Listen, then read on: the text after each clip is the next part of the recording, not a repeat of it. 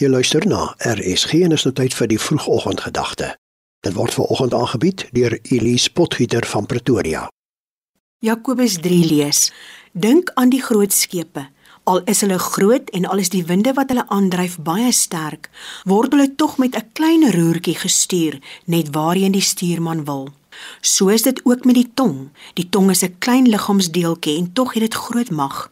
'n Klein vuurtjie kan 'n groot bos aan die brand steek. Die tong is ook 'n vuur, 'n wêreld vol ongeregtigheid. Die deel van die liggaam wat die hele mens besmet. Dit steek die hele lewe van geboorte af tot die dood aan die brand en self word dit uit die hel aan die brand gesteek. Goeiemôre luisteraars.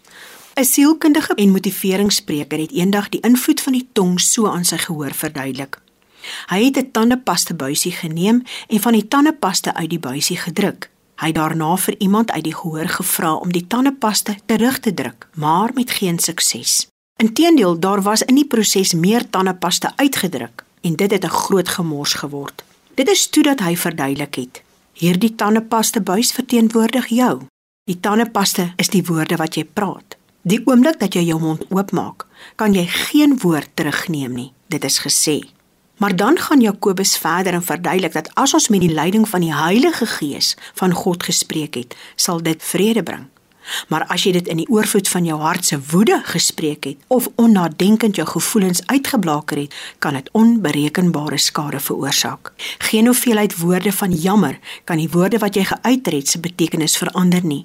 Dit is om die hek te sluit nadat die perd uit die stal gehardloop het, om die briek te skop nadat jy die boom gestamp het. Dit is nutteloos. Dit is waarom ons moet dink voordat ons praat. Dit is waarom ons Jesus wat in ons woon moet vra wat hy in hierdie situasie sou gesê of gedoen het en heel moontlik sou hy dalk net stil gebly het. Elke een van ons het 'n mening, maar watter waarde het dit om ons mening te alle tye te lig? Natuurlik is daar situasies waar ons met die leiding van die Heilige Gees 'n groot verskil kan maak indien ons ons mening lig. Nou 'n groot nagmerrie van ons tyd volgens my is sosiale media, waar sogenaamde vryheid van spraak in baie gevalle die siening is van 'n individu en nie altyd die siening is van wat die Bybel vir ons voorskryf om te doen nie. Spreuke 29 vermaan ons vir die man wat praat sonder om eers te dink, is daar minder hoop as vir 'n dwaas.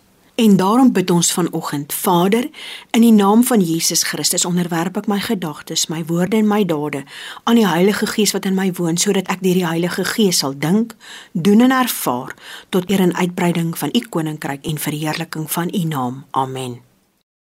Dit was dan die vroegoggendgedagte hier op RSG, aangebied deur Elise Potgieter van Pretoria.